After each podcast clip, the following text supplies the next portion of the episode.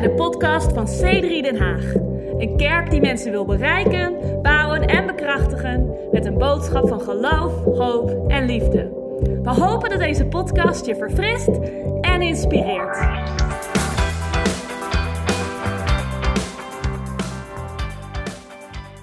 Eén Samuel 30, vers 1 tot en met 8. Er staat, het gebeurde echter, toen David en zijn man op de derde dag in Ziklag aankwamen, dat de Amalekieten een inval gedaan hadden in het zuiderland en in Ziklag. Vind je het niet vervelend als de Amalekieten weer bezig zijn geweest? Maar wie van jullie denkt van, het zijn die Amalekieten.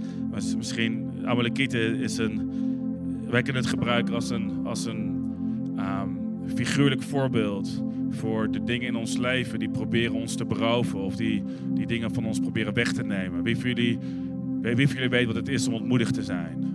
Of wie van jullie probeert wel eens het juiste te doen en je komt terug van het juiste doen en je merkt van hey, het lijkt alsof ik, twee, of ik één stap vooruit zet en twee stappen achteruit. Wie van jullie gaat niet reageren, maakt niet wat ik ga zeggen. Iemand, kom op. Ja, amazing. Ja, dat, dat, dat is eerlijk. Maar er was toch een reactie. Zag je ook dat hij? Hoe smooth. Um, maar de Amalekieten waren bezig geweest. En dan staat, zij hadden Ziklag verslagen en het met vuur verbrand. En de vrouwen die er waren, van de kleinste tot de grootste, als gevangenen meegevoerd. Ze hadden niemand gedood, maar hadden hen weggevoerd en waren hun weg opgegaan.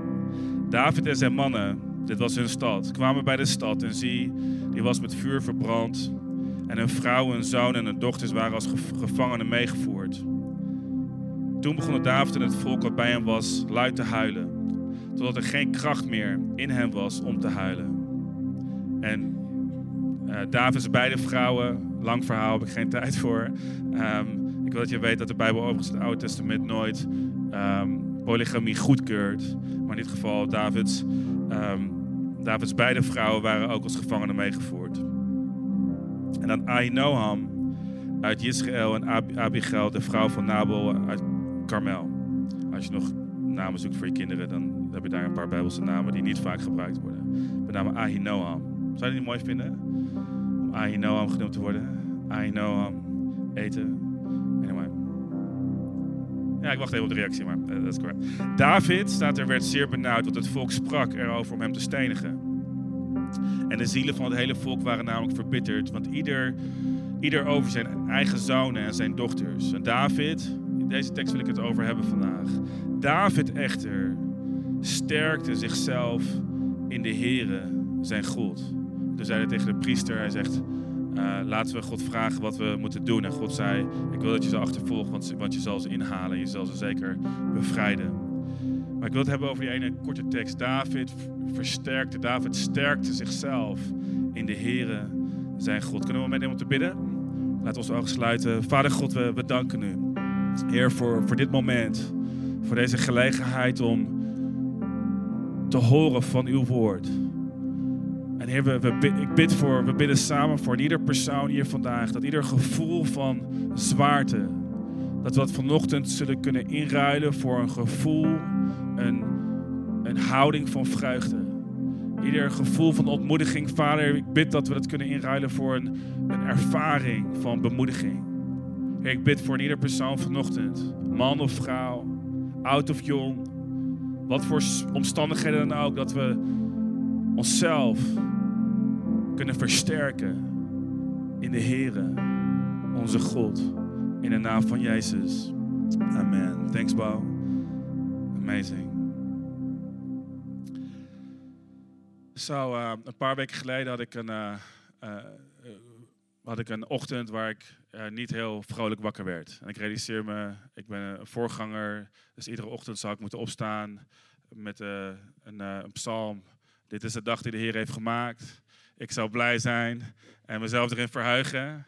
En ik realiseer me dat voor sommigen van jullie de droom van de pastor die je altijd had willen hebben, misschien uh, uit elkaar valt. Maar er was een ochtend een paar weken geleden dat ik, dat ik gewoon door omstandigheden, door situaties ontmoedigd uh, wakker werd. En ik, uh, ik ging een beetje geïrriteerd en haastig het huis uit met uh, en, en, Elisa om ze weg te brengen. Dus ik, ik moet toegeven, ik reed iets te snel en iets te haastig. Um, uh, ook een beetje geïrriteerd omdat onze crash verhuisd is. En het is allemaal veel gedoe. Ik weet dat het uh, eerste wereld uh, problemen zijn. en sommigen jullie absoluut geen medelijden hiermee zullen hebben. Maar gewoon gefrustreerd.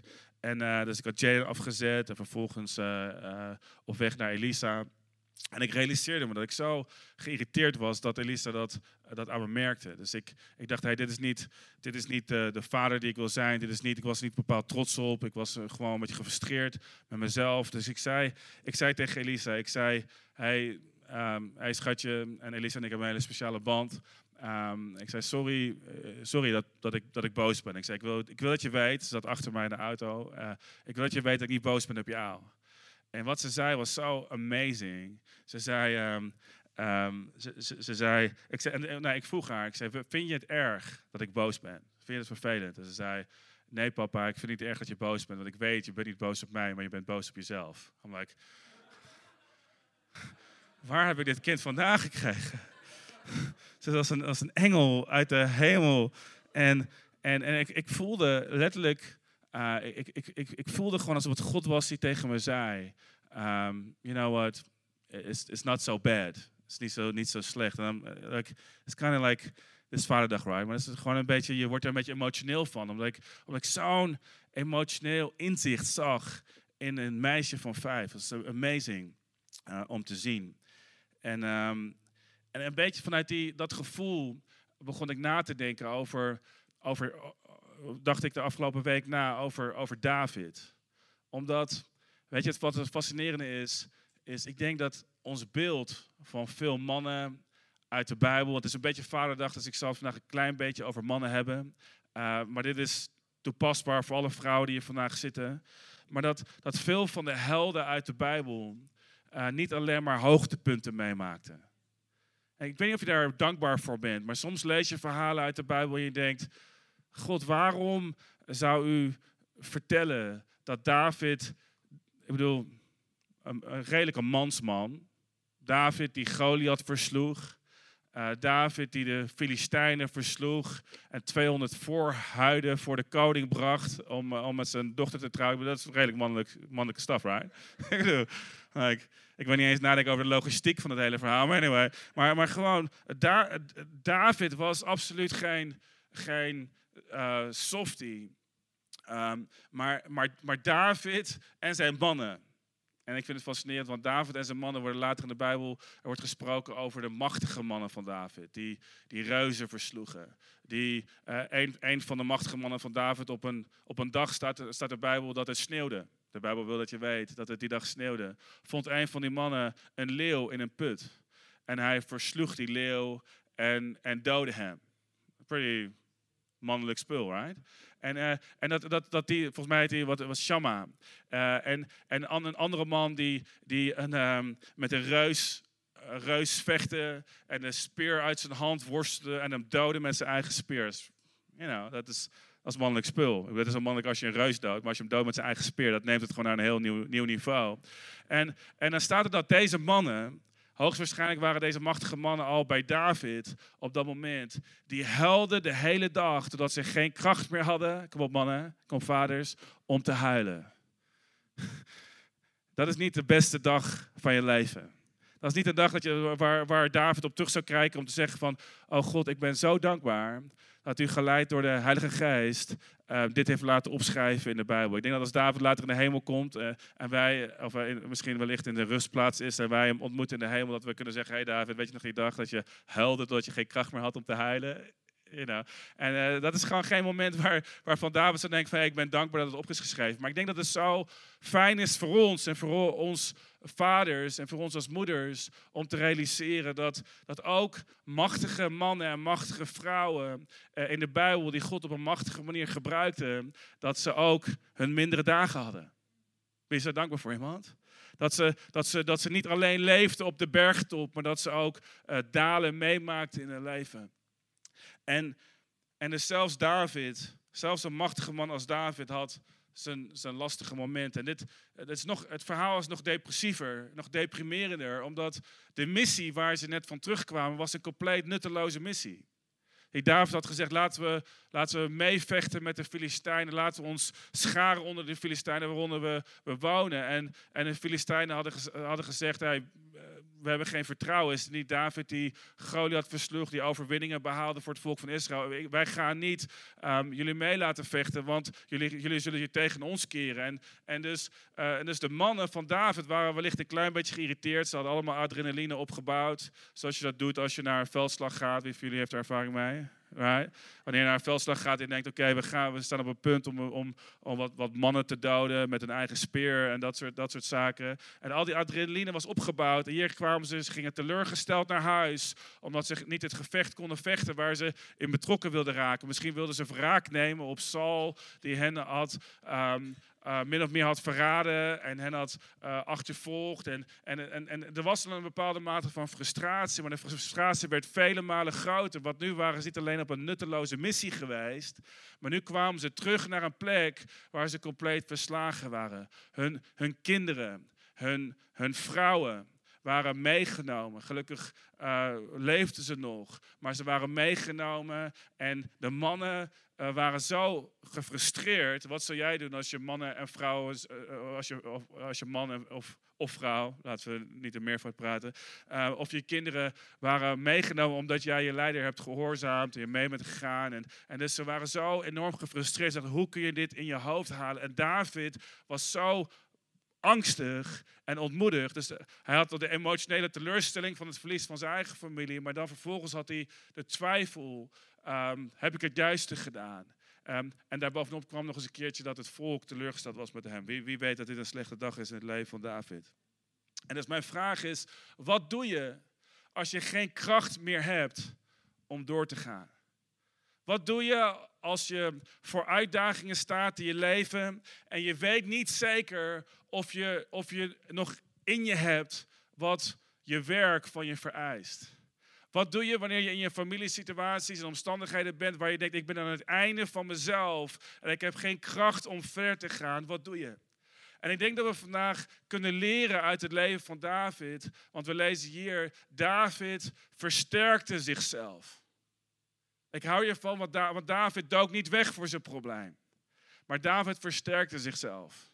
En ik denk dat we soms de neiging hebben in ons leven, wanneer we ontmoedigd raken, om, om een tijdje uh, te proberen om rust te nemen. Om misschien ons probleem te ontwijken, om op vakantie te gaan of om, om, om, om te Netflixen, om uh, misschien wat genotsmiddelen te gebruiken, maar om, om even uit te gaan, maar om iets te doen, om even te vergeten, om naar Disneyland te gaan of whatever, ons spreekwoordelijke Disneyland, om eventjes weg te gaan van ons probleem. Maar het fascinerende vind ik dat David rende niet weg van God, maar David versterkte zichzelf in God. En de gedachte die ik met je wil delen vandaag is, het is op, op zich een redelijk simpele gedachte, maar ik denk voor Vaderdag een belangrijke gedachte. In God vind je kracht die je niet in je hebt. In God kun je kracht vinden die niet in jou is. Ik denk dat dat bemoedigend is, want dat is goed nieuws. Want misschien voel je je vandaag moe, of misschien voel je je vandaag ontmoedigd, misschien. Um, Misschien heb je een beeld in jezelf. Ik denk dat sommige mensen lopen rond met een, met een, met een soort van dagdroom waarin je jezelf ziet falen.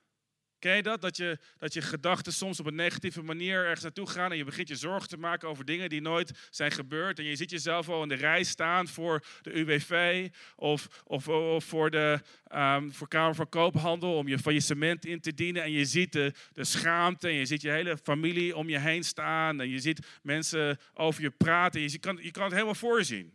Herkenbaar van mensen? Ja, jullie laten me helemaal hier in mijn eindje staan, right? Nee, dat is helemaal top. ik, ik, ben hier om jullie te dienen, so that's great. En, en, sommigen van ons hebben een doemscenario. Je bent je bedrijf begonnen, maar ieder jaar bedenk je je weer, oké, wat, hoe, hoe, kom ik hieruit als het niet lukt? En je neemt risico's en misschien net zoals David, neem je uh, durven, je, je, je neemt stappen van lef. Maar terwijl je die stappen neemt, is er iets in je wat, wat twijfelt. En misschien voel je je moe, eh, of ontmoedigd, of misschien uh, ben je angstig op sommige gebieden. En soms, soms is het wat warrig in je, in je denken. Maar het is goed om te realiseren dat je een kracht kan vinden die je niet uit jezelf hoeft te putten. Ik denk dat te veel christenen het gevoel hebben dat zij dynamisch moeten zijn. Dat zij een, een soort van vreugde moeten opwekken. Want de Bijbel zegt verheug je. En opnieuw zeg ik verheug je. Dit is de dag die de Heer heeft gemaakt. Ik zou blij zijn. Ik zou me erin verheugen. En soms denken we dat we die kracht uit onszelf moeten halen. Toen ik in Amsterdam woonde, had ik uh, vaak geen, uh, geen werkende verlichting. En als de politie dan weer in, in de herfst controles deed, dan moest ik weer allerlei straatjes in fietsen om uh, de politie te ontwijken. Um, en af en toe kreeg ik er een boete voor. Um, maar dat kwam in feite omdat er geen connectie was tussen mijn dynamo en mijn, en mijn licht. In die tijd had je nog dynamo's, ik ben, begin oud te worden. En, en, soms, soms, denken we van oh, wij moeten de dynamo zijn. Die, die, wij moeten een dynamisch geloof hebben. Wij moeten een, een, een, een, een, levend, een levend bewijs zijn van de goedheid van God. Wij zijn een, een levend offer voor God. En, en, en ik wil dat je weet vandaag dat de kracht waarvanuit we vreugde putten. Ja, vreugde is een beslissing, maar de kracht voor vreugde ligt niet in jezelf, maar de kracht van vreugde ligt in God. Het feit dat je vreugde een getuigenis is van de goedheid van God, betekent ergens dat je niet hoeft te halen uit jezelf. David wist niet waar hij naartoe kon gaan, maar hij wist één ding. David versterkte zichzelf in zijn goed. En ik wil dat je weet dat als dit beschikbaar was voor David in het Oude Testament, waar de, de geest van God in beperkte mate toegankelijk was, dan wil ik dat je weet dat hoeveel meer vandaag, duizenden jaren na de dag van Pinksteren, dat de geest van God is uitgestort op iedere gelovige, kracht geeft aan ieder van ons. Hoeveel meer kunnen wij kracht putten uit God? Kom op iemand. Er is kracht beschikbaar voor ons. Jij en ik, ieder persoon die hier vandaag zit, heeft, heeft de, de potentie, het potentieel om zichzelf te versterken in God.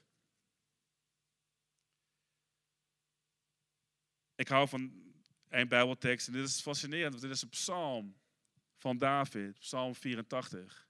En soms in de psalmen zie je hoe David zichzelf versterkte in God. Overigens is het misschien heel goed om te benoemen dat heel erg vaak als, als David naar God kwam, was hij in staat om eerlijk te zijn. En misschien is het belangrijk vandaag om te benoemen dat als je ontmoedigd bent, je niet eerst vol geloof hoeft te zijn voordat je bij God komt. Maar je kan bij God komen met je twijfels. Je kan bij God komen met je angsten. Je kan bij God komen met je gevoelens. En heel veel van de psalmen beginnen met het gevoel van David. Of het gevoel van de auteurs waar ze erkennen: God, ik voel me verlaten, ik voel me alleen, ik voel me teleurgesteld. Maar het mooie was, is, is, is in het schrijven van die psalmen zie je het proces waarin David en andere schrijvers zichzelf versterkten in God. En ergens in psalm 84 um, ehm, schrijft hij, zegt, gezegend of zalig is de mens van wie de kracht in u is. En in hun hart zijn er gebaande wegen. Ze gaan, al gaan ze door een dal van moerbijbomen, um, uh, dan, dan en, en, en, sommige vertalingen, of de Engelse vertaling zegt, um, as they pass through the valley of Baca, which means, uh, wat betekent een, een vallei van, van, uh, van huilen. Al gaan ze door een, door een, door een, in andere woorden, een troosteloze plek, dan maken zij God tot hun bron. Ook zal de regen hen overvloedig bedekken. Zij gaan voort, luister je naar, van kracht tot kracht. En zij zullen verschijnen voor God in Sion. Zie, David zegt hier, gezegend is de mens wiens kracht niet is in zichzelf, maar gezegend is de mens wiens kracht is in God. Ik weet niet precies wanneer David dit schreef, maar ik kan me voorstellen dat dit, dat dit voortkwam uit situaties zoals 1 Samuel 30, waar, waar David zichzelf versterkte in zijn God. Hoe versterkte David zichzelf in God? Ik weet het niet precies, maar ik weet wel dat, dat het de gedachten waren van God over hem, die hem kracht gaven. Ik weet wel dat, dat, dat David een kracht vond. En hij zei, als, als ik mijn kracht vind in God, zal ik gaan van kracht tot kracht. En ik heb ergens het gevoel dat hier mannen zijn en vrouwen zijn die het nodig hebben om nieuwe kracht te vinden om nieuwe bemoediging te vinden. Om een nieuwe energie te vinden om door te gaan. En ik wil je laten weten dat je vandaag een goede keuze hebt gemaakt, want je, want je bent hier vandaag gekomen. Je had allerlei dingen kunnen doen vandaag op vaderdag. Je had je vader kunnen bezoeken in Groningen uh, of, of ergens in Duitsland of wat dan ook. Maar je, maar je bent eerst hierheen gekomen omdat je weet dat je kracht niet in jezelf ligt, maar in God. Zie, een van de redenen waarom we de eerste dag van de week, zondag, naar de kerk komen, is omdat we, we zeggen: God, u bent mijn prioriteit. Ik vind mijn kracht in u. Ik ben misschien succesvol op mijn werk. En misschien hebben mijn collega's het op geen enkele manier door. Maar ik weet dat mijn kracht in God is. Misschien heb ik het moeilijk op mijn werk en mijn collega's weten niet hoe ik door kan gaan. Maar ik weet dat mijn kracht in God is. En kan ik je dit zeggen? Het is zo goed dat je hier bent. En het is zo goed dat je in het huis van God bent. Wanneer je ontmoedigd bent. Want je doet dan precies hetzelfde wat David deed. David versterkte zichzelf in God. David wachtte niet totdat hij alles uitgeleid had en alle oplossingen had. David wachtte niet tot hij zijn problemen opgelost had om aan God te vertellen, God, ik dank u, want u bent zo goed. Nee, nee, nee. David versterkte zichzelf in God toen hij zwak was. En ik denk dat de beste tijd om naar het huis van God te komen is wanneer je zwak bent. De beste tijd om naar het huis van God te komen is om teleurgesteld. Wanneer, is wanneer je teleurgesteld bent.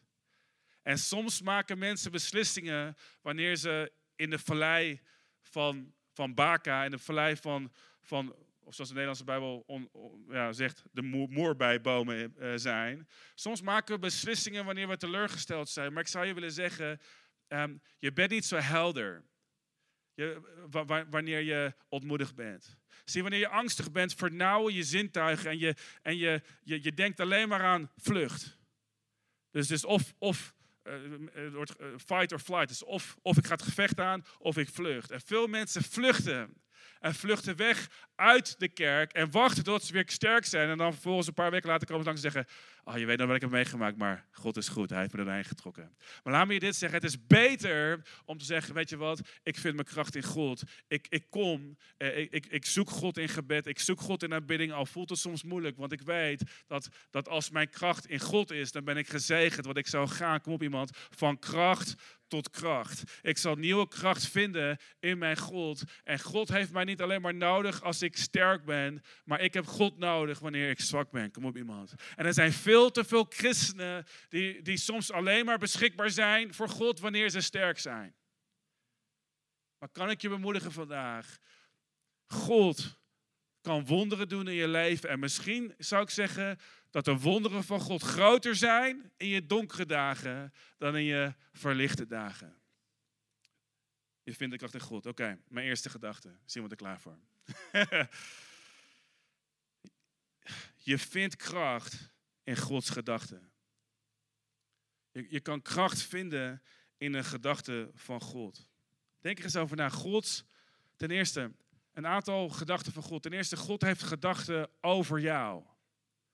God heeft gedachten over wie jij bent. En kan ik dit zeggen? Gods gedachten over jou zijn positiever dan je denkt.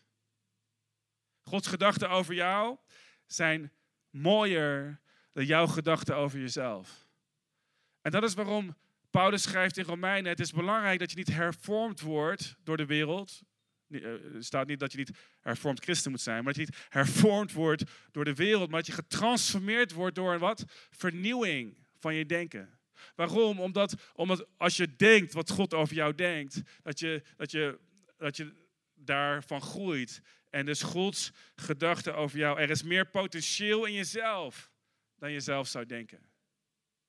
Dus ik wil je bemoedigen, iedere keer dat je het woord van God oppakt, Iedere keer dat je naar de kerk gaat, ik hoop iedere keer dat je naar deze kerk komt, hoop ik dat je meer met, met geloof in jezelf naar huis gaat dan, dan dat je er binnenkwam. Gods gedachten over jou zijn amazing.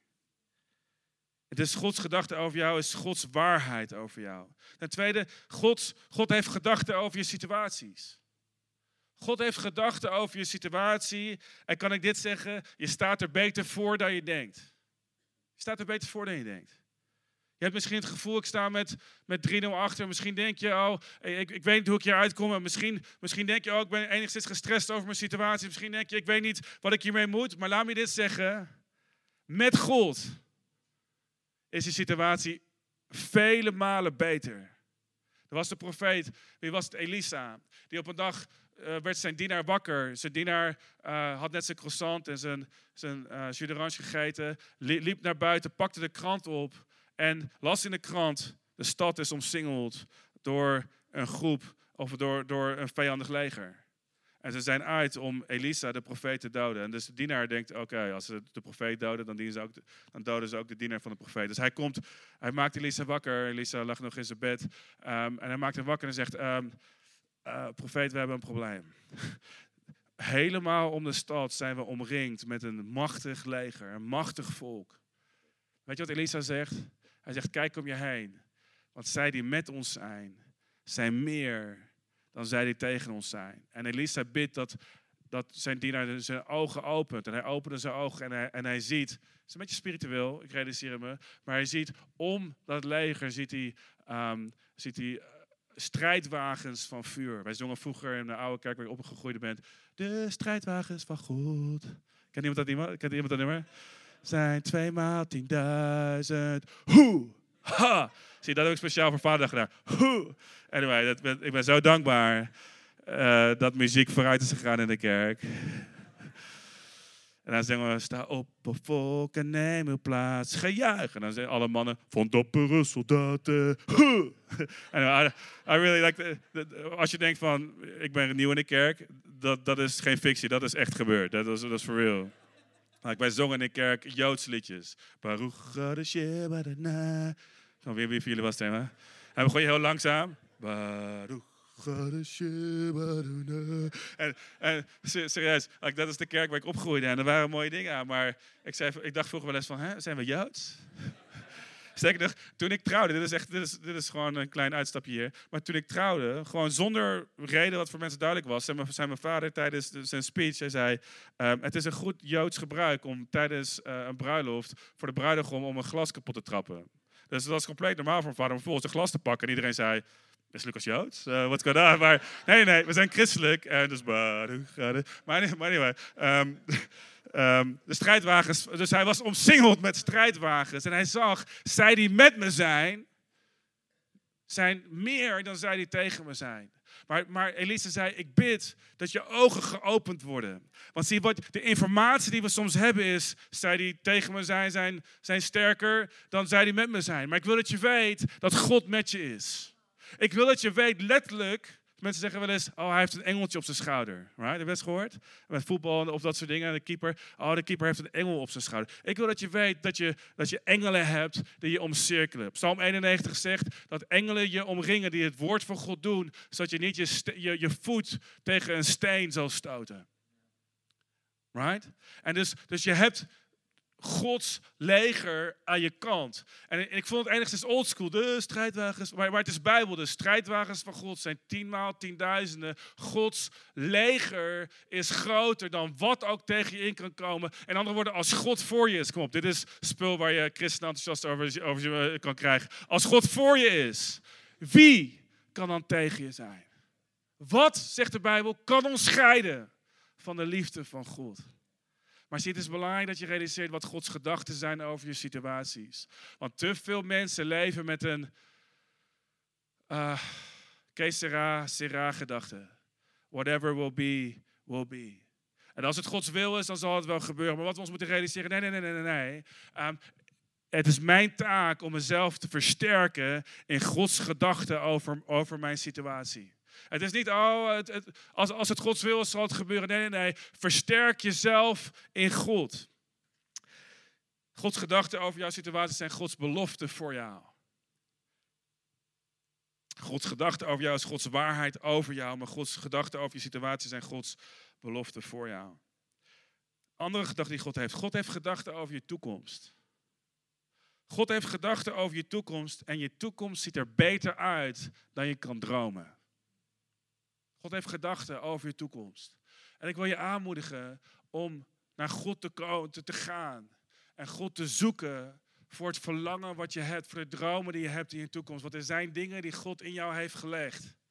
En sommige van die dingen heb je nooit tegen iemand verteld. En sommige van die dingen begin je aan te twijfelen, omdat het wellicht een beetje te lang heeft geduurd. En je begint je af te vragen, God, is dit daadwerkelijk waar? Is dit nog steeds echt? Maar ik wil dat je weet, God heeft een droom in jou. En er is een bepaalde roeping, er is een bepaalde grootsheid in je. En ik denk dat als je Gods gedachten leert kennen over je toekomst, dat die beter is dan je zou durven denken. Ja, soms vergt het van je dat je door een, een nauw dal gaat, of dat je door een nauwe poort gaat. En soms denk je, ik weet niet hoe ik hier, hier doorheen kan komen. Maar achter die poort ligt een brede horizon. En ik wil je bemoedigen om te kijken naar de horizon die ligt achter de keuze die op het punt staat om te maken.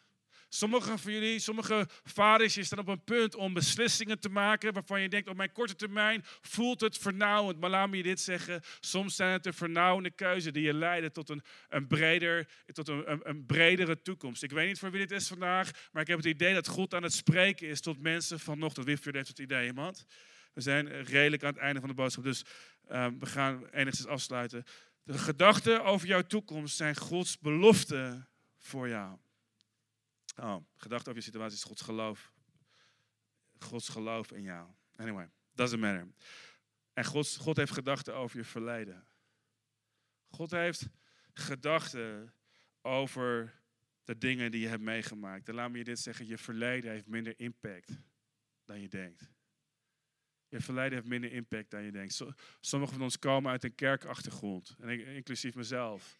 En waarin we zijn beschadigd en waar ons vertrouwen uh, is beschadigd, waarin we teleurgesteld zijn geraakt. Maar laat me dit zeggen, jouw verleden hoeft niet, hoeft niet te bepalen waar je naartoe gaat. Sommige, sommige van ons, en misschien veel van ons, ieder van ons heeft geen perfecte vader. Maar laat me dit zeggen, dat, dat God is een liefdevolle vader en God heeft gedachten over jouw verleden. God heeft geen gedachten van veroordeling over je verleden, maar God heeft gedachten van genade over je verleden.